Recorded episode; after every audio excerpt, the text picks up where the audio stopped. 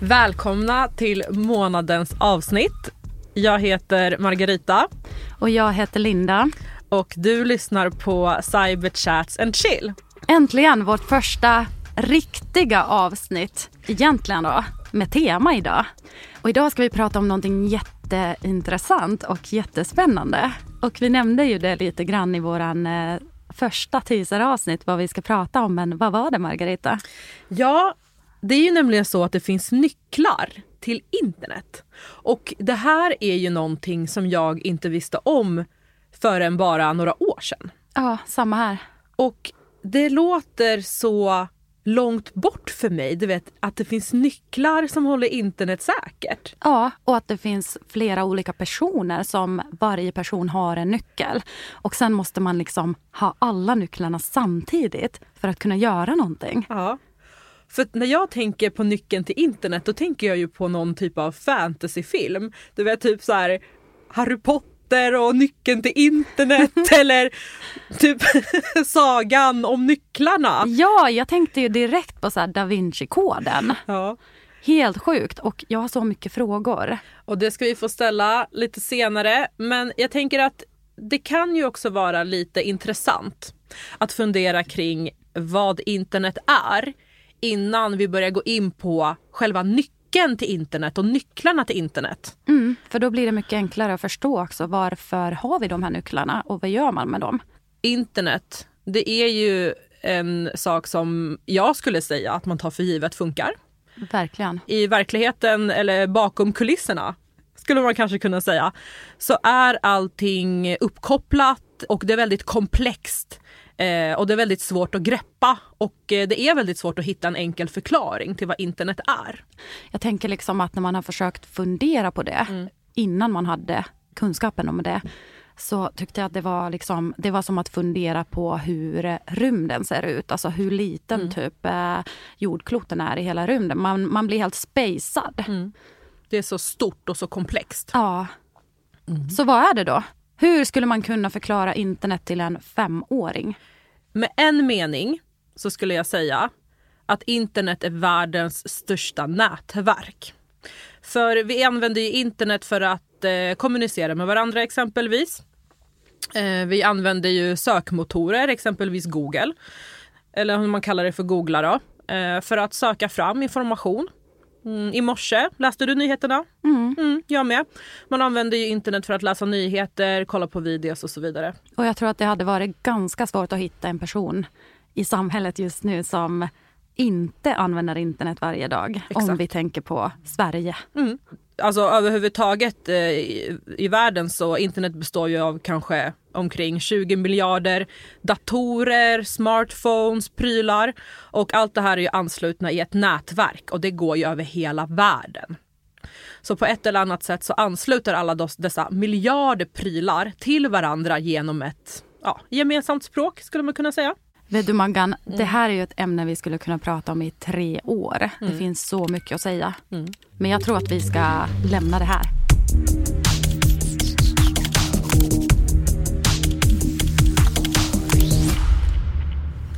Men Linda, mm. om vi ska återgå till vårt tema för avsnittet.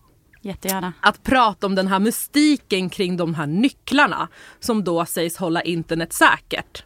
Så ska vi få presentera vår första gäst. The Guardian of the Internet. Pia Gruva! Välkommen Pia! Slå dig ner i vår superhörna. Tack så mycket, vilken titel jag fick där. Mm. Eller hur? Vi vill ju dels prata om den här rollen som du har som nyckelbärare. Ja. Men lite grann också som din roll som kryptostrateg, för det mm. är du ju faktiskt på Must. Ja, stämmer um, bra. Ska vi först fokusera lite grann på rollen som kryptostrateg för att kunna förstå oss vidare på nycklarna? Det kan vi göra. Jag har jobbat med krypto i eh, Försvarsmakten i 36 år faktiskt. Det är ju jättelång tid och vad vi jobbar med är ju de absolut bästa, säkraste kryptosystemen som ska skydda rikets säkerhet. Mm. Det hemligaste vi har i Sverige, det är våran eh, uppgift.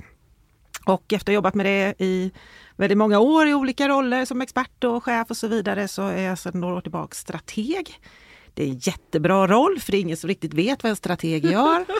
och man har inte något sådär formellt ansvar för någonting utan man kan göra lite vad man vill, gå och prata i poddar och eh, men även tänka framtid och så vidare. Så det är lite blandat. Prata poddar, vilken tur för oss! Men om jag som lyssnare nu sitter och frågar mig själv, vad är krypto? Mm. Kan du på enklaste möjliga sätt förklara det? Ja, det absolut enklaste sättet att förklara det här är ju att du vill skydda din information så inte någon annan kan läsa den. Till exempel när jag var liten så var man med i Expressenklubben eller Fantomenklubben eller något sånt där och då fick man en hemlig nyckel och så kunde man då kryptera sin text genom att byta ut bokstäverna mot andra bokstäver. Och så skickade man de andra bokstäverna och det var ju helt obegripligt. Men den som hade, var med i samma klubb kunde då dekryptera för de hade ju samma nyckel. Det är i princip det enklaste sättet att förklara det. Man vill skydda sin text eller sitt meddelande genom att kryptera det så att inte motståndaren eller någon utomstående kan läsa det. Så i princip blir det meddelandet skyddat då? Precis. När man skickar det? Så ingen annan än den som ska ta emot det ska kunna läsa det. Mm. Så är det enklaste. Bra! Men i det här avsnittet så ska vi fokusera lite på din roll som nyckelbärare och det kanske är kopplat lite till krypto. Ja, det är det lite grann. Mm. Och då har jag en fråga som jag har velat ställa väldigt, väldigt länge. Så Pia, varför finns det nycklar till internet? Mm. Det där att man säger att det är nycklar till internet är ju en liten eh, förenklad beskrivning. Men det, och det är en del av säkerheten, inte internet. Det är inte hela säkerheten det här, utan det här är en del av säkerheten på internet. Och det handlar lite om att ni pratar lite om hur internet eh, är uppbyggt och så vidare. Man surfar någonstans, man surfar till sin bank. Men när man skriver in bankens namn i sin webbläsare så är det ingen dator som vet vad bankens namn är utan det översätts till ett IP-nummer som det heter. Så ibland kallar man för internets telefonkatalog. Och det är för att datorerna ska kunna koppla sig då till rätt server. Och eh, om man tar, man säger att internets telefonkatalog, ja förr hade man ju tryckta telefonkataloger och då stod ju numret där. Det var lite svårt att förfalska för de skickade man ju ut till alla. Idag så skulle det vara ganska lätt, eller det är ganska lätt att sätta upp så att du inte kommer till din bank. Du kommer till en annan falsk bank och kanske ger alla dina uppgifter till den. Och det är det man vill skydda med något som heter då DNSSEC, alltså säkerhet, säker telefonkatalog på internet är väl absolut enklaste sättet att beskriva det. Och det är det som de här nycklarna är en del av i en ganska eh, komplicerad process vi kan prata mer om. Så det är en del av det, det är en del av att säkra att du surfar till rätt ställe. Jag tycker den här telefonkatalogliknelsen är så himla himla bra. För då får man lite mer en bild av vad det är. För det kan lätt bli så abstrakt. Mm. Och det, det, är just det vi försöker att eh, förklara lite mera. Så... Och sen man frågar expert, ja men så är det ju inte exakt. Men om man ska, verkligen ska ha det absolut enklaste Precis. sättet att beskriva det så är det då det mest lättbegripliga sättet att beskriva det i alla fall. Mm. Jättebra. Och det är ju exakt det vi vill ha också. Mm. Men eh, hur många nycklar finns det då? Ja, då finns det ju 14 nycklar. Och att man säger sju nycklar, det beror på att det är uppdelat i två olika grupperingar och de är sju nycklar i varje grupp. Det finns en grupp som tillhör östkusten i USA och det finns en grupp som tillhör västkusten i USA. Och det är sju nycklar för varje grupp och därför säger man sju nycklar ofta fast det då är det totalt sett är 14. Mm, så det, det, ligger liksom i USA då hela den här, vad, vad är det? Är det en organisation? Som det, är en, or en, det är en organisation som liksom ansvarar för driften av det här. Liksom säkerheten på, den här delen av säkerheten på internet. Och det funkar liksom lite så att om eh, man ska surfa till en eh, tjänst eller en bank i Sverige, då måste man fråga Sverige-domänen att man kommer till rätt ställe och då får, kopplas man rätt. Men Sverige måste ju, om du ska då till utanför Sverige, då måste du fråga någon som är över Sverige, det vill säga det är toppdomänen som man kallar då helheten. Då måste man fråga den. Vart kommer jag till Norge? Liksom, och så kommer man rätt där. Mm. Och den här toppdomänen driftas av USA. Eller av ett företag, mm. Verisign. Och så är det en organisation då som heter ICANN som ser till att de håller den här processen för säkerheten för den här zonen. Så det är den vi jobbar med. Okej. Mm. Och den då driftas av den här amerikanska organisationen.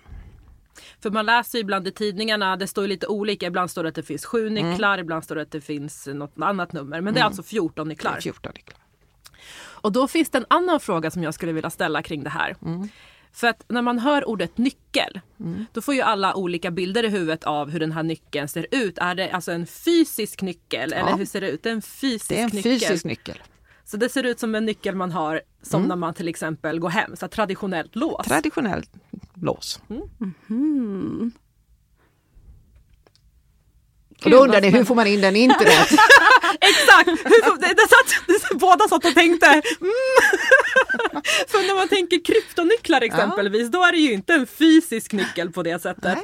Utan det var ju en sån sak, jag trodde att nyckeln till internet, att det var någon typ av ja, kryptonyckel. Men det är alltså fysisk nyckel. Det börjar med en fysisk nyckel. Det Det, det är en liten process då sen eh, som vi kan ja, prata lite om. Ja. Ja, för det låter jättespännande. Det är precis den bilden jag får i min huvud. Att det är en fysisk nyckel som alla samtidigt stoppar in och sen vrider liksom på något sätt att det ska funka. Men det kanske inte är riktigt så. Ja, det, delvis så är det faktiskt så. Det finns eh, lite rätt i det. Mm. Men vad betyder det då att vara en nyckelbärare?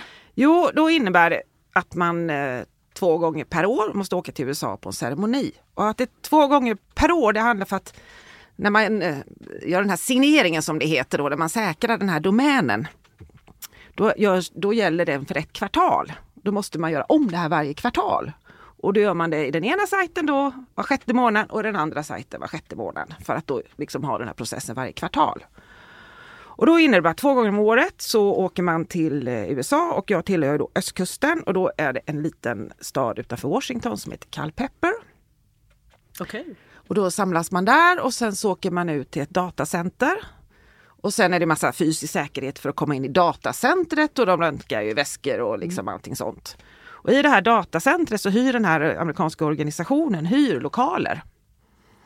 Och då för att komma in i de lokalerna så är det ögonigenkänning för de som jobbar i den här organisationen och pinkoder och så vidare. Och så kommer man in i ett eh, rum och när den här ceremonin börjar får man inte gå ut ur det här rummet efter. Så då ska alla samlas där och det är ett, eh, ganska många som är med.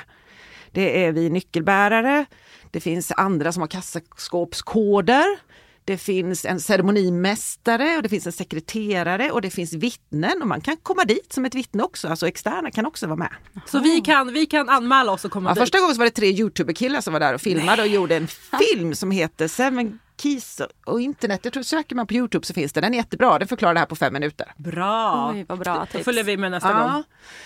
Nej, och sen så, så, drar, så har man ett tjockt protokoll och så sitter alla där på sina platser och sen så börjar ceremonin och då sätter man igång kameror först, tre stycken för det ska ju filmas hela ceremonin och sänds live.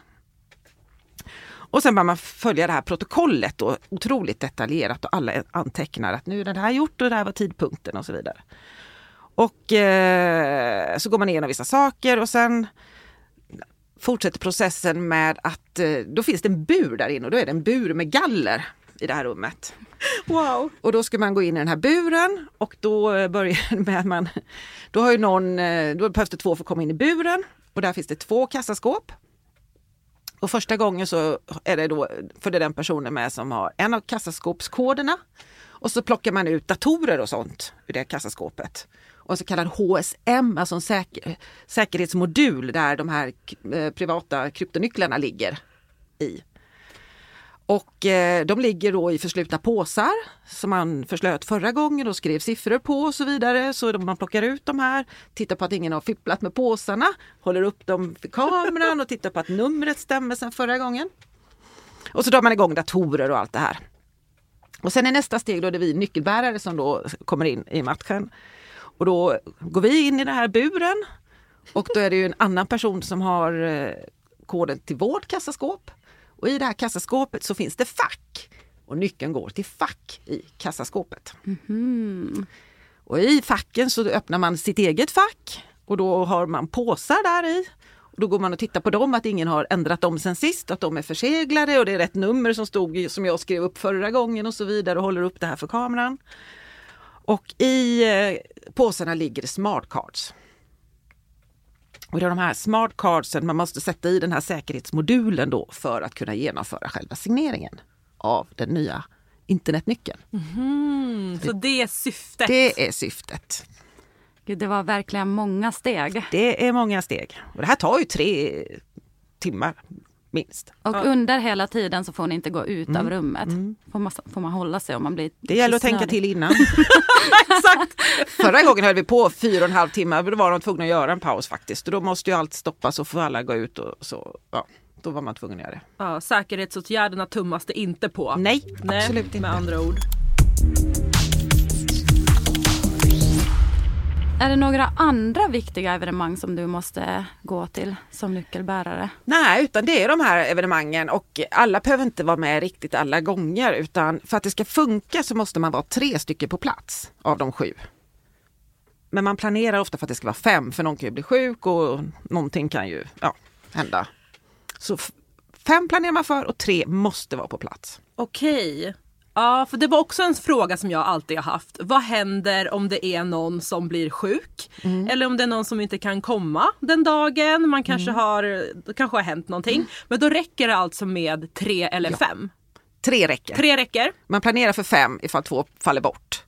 Så man går Ja. ut och gör en förfrågan då, ja, nu ska vi ha nästa i vår, i maj, april där. Så nu är då en förfrågan, vilka kan, vilka inte kan, så man förbinder, så kollar de upp då liksom så att man får alla på plats. Och då tror jag att nästa gång så ska man byta ut vissa av de här hårdvarumodulerna, då tror jag att alla sju måste vara på plats faktiskt. Just Det det. kan också inträffa då, fast det är inte det vanliga, utan det vanliga är att tre av fem måste vara där. Så då är det liksom inte varje nyckel som måste vara på plats för att man ska kunna Nej, öppna den det här, här. Den här eh, hårdvarumodulen, HSM, den behöver tre av korten isatta för att den ska kunna göra signeringen. Just det. Spännande. Men eh, jag har också fått frågan av andra som har undrat lite kring det här. Varför kan inte samma person ha alla 14 nycklarna? Alltså principiellt så behöver man inte ha någon som har nycklar egentligen utan eh, att man gör så här, det handlar ju om eh, liksom, transparens och förtroende. Man vill inte att det ska vara en amerikansk organisation som gör allting. Det, det här hade ju kunnat göra utan oss nyckelbärare, självklart. Men när man skapar det här så var, jag var inte med då, men eh, Sverige var ju väldigt aktiva i att ta fram hela den här processen faktiskt. Och för att få transparens vill man ha då folk från olika länder. Och det är därför man är utspridd över världen. Det är ju från eh, ja, alla, de, alla världsdelar i princip som är med och har nycklar. Så det är det som är syftet, är att få transparens och inte vara beroende av ett enda land. Jaha, det visste jag inte. Vet du vilka länder de andra kommer ifrån? Ja, jag träffar ju dem. Ja. vilka men- länder kommer de andra ifrån? Eh, nej men i min grupp är det väl, nu ska jag måste tänka här, eh, en amerikan och eh, den, så är det några nya, en är från Sri Lanka tror jag för mig. Absolut senaste, nu är det en kvinna till, jag har ju varit den enda kvinnan och innan var det ju Ann-Marie hon, som var före mig, hon var också varit enda kvinnan hela tiden men nu finns det en kvinna till. Och hon eh, kommer från Zimbabwe och jobbar i, på Meta i Johannesburg. Mm, spännande. Mm. Och sen har vi någon från eh, Brasilien tror jag. Ja men det, det, det, det, by- det byts mycket nu nämligen så därför jag inte har riktigt koll på alla men det är utspritt. För jag ska vara ärlig, jag trodde att de flesta skulle vara från USA. Ja nej. Nej. jag tror att det är en i varje grupp faktiskt bara som är från USA. Jag tycker att nästa fråga kopplar in i det här. Hur eh, kom det sig att du fick nyckeln? Ja det är en bra fråga. Man ansöker faktiskt på deras hemsida. Är det sant? Ja, man och eh, Ann-Marie Eklund Winder som var före mig, hon har suttit där sedan man började med den här processen, tror jag 2010. Och hon hörde av sig till mig, och det var innan pandemin, och sa att hon skulle pensionera sig från det uppdraget och hon tyckte att jag skulle söka. Och eh, fick en länk och så går man in på deras hemsida och så skriver man en ansökan, jag kommer inte ihåg, för det är ju några år sedan, men får man beskriva varför man vill det här och vem man är och så vidare. Och så ska man ha referenter. Mm. Och då var jag ju, tänkte jag att det måste jag ha bra referenter. Så jag hade ju dels Ann-Marie då, min företrädare och eh, två av Sveriges stora internetkändisar internationellt. Så jag tänkte det är ju bra. ja, det är Och, det jättebra. det. och sen hörde inte jag någonting på två år. Och Ann-Marie frågade ibland, ja, men har de inte hört av sig och så vidare. Och sen nej, så jag sen Ja, sen, och det var för att det var pandemi och så vidare så folk kunde ändå inte resa. Och sen hörde hon av sig igen och sa att nu säger de att de har mejlat dig och du inte svarar. Och då hade det hamnat i min skräpmail. Nej. Typiska. Ja. Så då eh, svarade jag att ja, men jag var fortfarande intresserad och så vidare. Och då gjorde de någon form av bakgrundskontroll som jag inte vet hur den gick till. Och sen så ringde de mina referenter. Och sen så fick jag besked om att jag fick uppdraget. Wow. Och hur länge har du haft nycklarna nu? Eller nyckeln? Nyckeln eh, i sen, eh, nu ska vi se, november 22 blir det ju då. Och vad skulle hända om du tappade bort nyckeln? Ja, då finns det också en process för det här. Att tappar man bort nyckeln då måste ju den här inneskåpet i säkskåpet bytas. Och vi hade, när jag var där nu sist, så var det en ceremoni där man, det var en som skulle sluta som inte kunde resa. Och då skulle ju hans skåp bytas ut. Och då är det en låsmed som kommer dit och så är det en process för det här med ett protokoll och det filmas och så vidare, lika transparent det. Så då byter man ut det helt enkelt. Okej. Man byter ut facket skåpet. Just det, så det, det blir inte mm, alltså, sämre än det. Nej. Bara lite fy skam att man har tappat bort nyckeln. Skamvrån. Precis, Ah. precis. Men inte fängelset. Nej. Nej. Men eh, vad händer då ifall någon fiende skulle få tag i den här nyckeln? Eller är det samma procedur då? Ja, precis. Och eh, fienden skulle inte komma dit för alla känner ju igen att det, det där är ju inte, det är inte Pia som kommer där utan det är någon annan som försöker dyka upp. Så att det finns inga risker på det sättet vad jag Nej. kan se. Och det är väl det som är lite finessen med att man har skapat en process som, som ska vara transparent och synlig. Ja, men jag spinner lite vidare på det här. Hur skulle det vara då ifall vi säger att, ja, men att man skulle liksom ehm, Alltså att du som har nyckeln, det är liksom samma person och man har liksom ja, men man litar på att det är du som kommer. Men tänk om du har vänt ryggen. Alltså om det skulle någon som skulle bli så här, Om jag blev en... eh, eh, en Du är värvad av Ja. fienden. Alltså jag kan ju inte göra så mycket. Nej. Vad skulle jag kunna göra? Jag, jag måste ju öppna skåpet. Jag filmad exakt hela tiden. Det finns liksom inget man kan göra och även om jag skulle, ja vad skulle jag kunna göra? Jag kan inte ändra någonting på signeringen av, jag skulle kunna vad skulle jag kunna göra? Så du kan Ta sönder ta- mitt kort där jag sitter där, men då finns det ju andra, alltså, det finns liksom inget, det finns inga risker på det sättet. Så om det är någon nu som lyssnar som hade, hade det i åtanke så kommer det inte göra, spela någon roll. Det är ingen idé. Ja, glöm det. Ja, men det finns ju en kollega som har skrivit en bok, Åsa Schwarz, just som heter De sju nycklarna. Det Precis. handlar ju om att nyckelbärarna försvinner en efter en. Ah, okej. De slutar svara i telefon, de är bara borta. Åh nej! Men eh, riktigt så spännande är det ju inte i verkligheten. Men boken är bra. Så. Ja, ja perfekt. Ehm, men då tänker jag så här att eh, låt oss säga att det är en nyckelceremoni och du blir bjuden men du kan inte gå. Kan du ge bort din nyckel Nej. för den dagen Nej, till någon nej, annan? Nej. Så det går alltså inte att ge bort nyckeln till annan person tillfälligt? Nej. Nycklarna då, om de skulle sluta fungera, har vi ingen internet då? Så är det ju, alltså säg att ingen, eh, hela den där processen så för internet funkar ju, det är den här delen av säkerheten som försvinner. Internet som sådant fungerade innan det här fanns också. Så att det är ju bara den här delen av säkerhetsbiten som försvinner, inte själva internet. Det finns annan säkerhet också. Så, Då så- slår vi hål på den myten. Ja, Ja. det, ty- det tycker jag. För det är också en sån fråga som man har funderat över eller som många ställer sig att ah, nyckeln till internet, om en nyckel försvinner, slutar internet att funka helt? Men då svarar vi Nej. nej. Då hade jag inte velat ha den uppgiften om det vore så kan jag ju säga. Men eh, då, då sitter säkert många nu och lyssnar och tänker men wow, vilken fantastisk uppgift, vad spännande att få vara nyckelbärare. Vad ska jag göra för att kunna bli som du Pia och få ha nyckeln till internet som det kallas? Hur var din väg? Ja, du, det, skriv en ansökan så får man ju se vad som händer. Ja. Faktiskt. Folk har ju, man kan ju, om man tittar på dem som uh, övriga nyckelbärare, de är ju mer internetmänniskor om man säger. Jag är ju kryptomänniska och är faktiskt inte alls eh, duktig på hur internet funkar och sådär. Och det finns ju någon mer som har lite samma bakgrund som jag, men de flesta är ju liksom människor som har jobbat med internet väldigt länge. Och jag vet inte hur mycket kriterier, jag vet ju faktiskt inte hur själva den där processen ser ut sen, mer än att man ansöker och det kan nog vem som helst göra. Oberoende av bakgrund, akademisk eller jobbmässig. Ja, jag tror mest, nu kommer jag inte ihåg hur formuläret såg ut, jag tror mest du ska beskriva dig själv och sen gör ju någon en värdering. Det är också en förutfattad mening jag hade, att man behövde ha en jättespecifik bakgrund för att kunna bli nyckelbärare. Men man Nej. kan söka ändå. Ja, det, jag tror det står, det står lite, om man går in, det heter TCR kallas man det här, Trusted Community Representative. Och då eh, om man söker på det så kommer man upp på den här ICANs hemsida och där står det lite grann om eh, vad som förväntas. Så jag skulle vara tillförlitlig och så vidare. Och man ska väl också, tror jag, du ska kunna prata om den här processen också. Alltså prata, kunna vara, vara lite reklampelare för den också upplever jag att man ska vara. Mm. Och det väl därför jag är här. Ja, exakt. Men eh, vilka är de största missförstånden folk har om din roll som nyckelbärare? Absolut största, om man ser kommentarer och så vidare, ja, varför pratar ni om det här och hur kan ni gå ut med att hon har den här rollen och det här borde ju vara hemligt, det är den absolut mm. vanligaste frågan.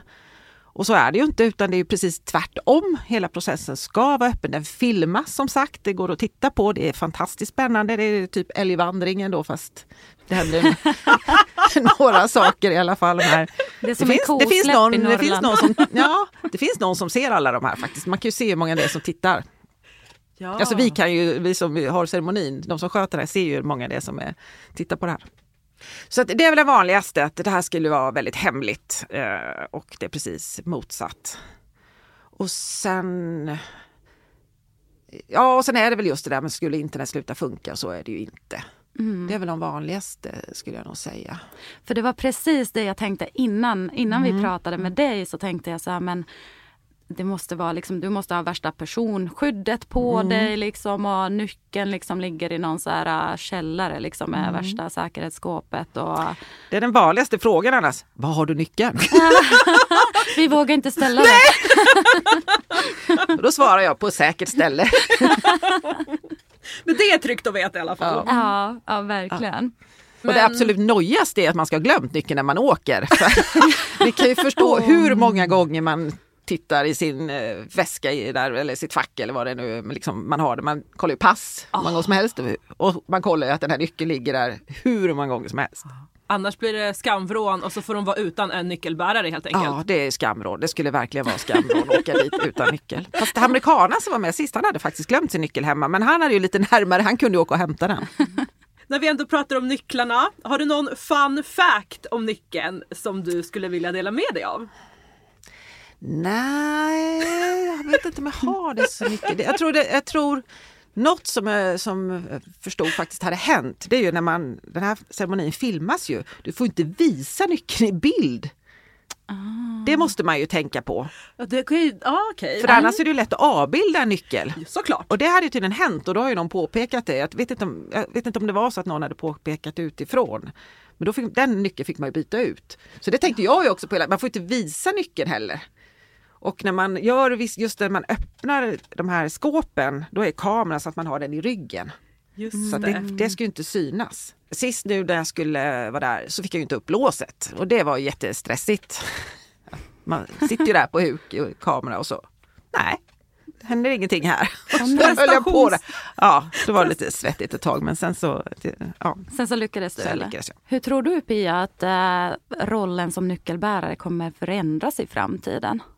Nu tittar man snarare på förbättra processer, eh, byta ut viss hårdvara, nyckelalgoritmer och så vidare och nyckellängder och sånt. Men jag tror nog att den här processen kommer att hålla ganska bra tag till.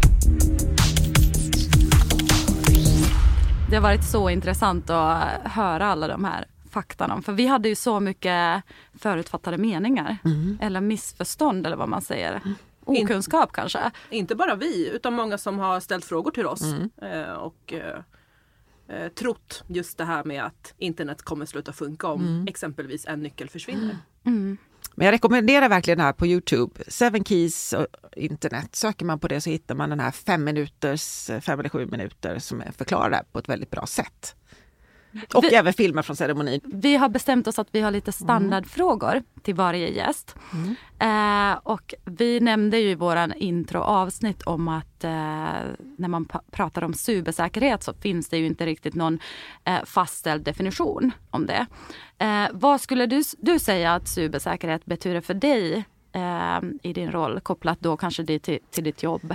Ja, man säger cybersäkerhet och eh, ja, sätter, sätter skydda datorsystem och information i datorsystem ungefär, lite olika definitioner, så är ju kryptering en väldigt viktig del av cybersäkerhet, alltså att ha sekretessskydd. Och det är ju min del i cybersäkerheten. Mm. En ganska stor och viktig del tycker jag. Vår andra standardfråga som vi kommer ställa till alla våra gäster som du också ska få svara på. Och det är att om du fick ge ett enkelt tips till våra lyssnare hur man kan stärka sin cybersäkerhet i vardagen. Det kan vara allmänt eller kanske kopplat till någonting det du gör. Hur kan vi hjälpa dig i ditt arbete genom att bli lite bättre på cybersäkerhet? Vad skulle det vara då? Nej, Men generellt skulle jag säga säkerhetsuppdatera alltid så fort någonting kommer. Och eh, om man får säga två saker så är det att ha ett riktigt bra lösenord till mejlen. För det, alla andra lösenord kopplas ju till mejlen, det är ju dit du får allting om du har glömt ditt lösenord. Sånt. Så ha ett riktigt bra mejllösenord och eh, säkerhetsuppdatera alltid så fort som möjligt. Då hoppas jag på att vi har blivit lite klokare när det gäller nyckeln till internet. Och med det sagt, Pia, så vill vi tacka dig så hemskt mycket för att du kom och slog dig ner här hos oss i vår cyberhörna och snackade lite med oss och chillade lite med oss. Så uh, stort, stort tack! Tack själva, kul!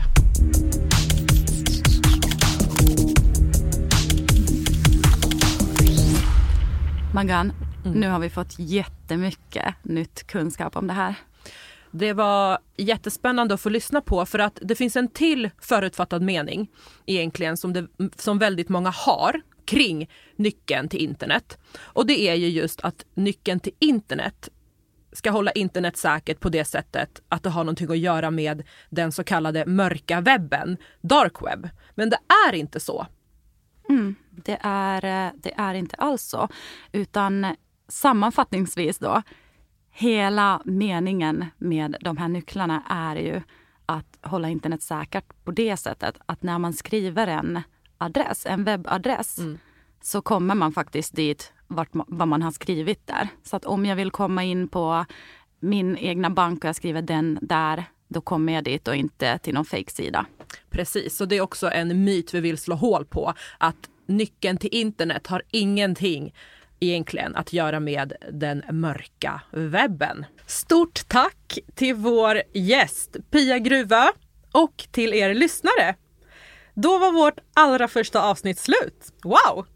Och innan vi går vidare vill vi även passa på att tacka vår mediepartner Aktuell Säkerhet och vår samarbetspartner Frivilliga radioorganisationen för all stöttning. Tack!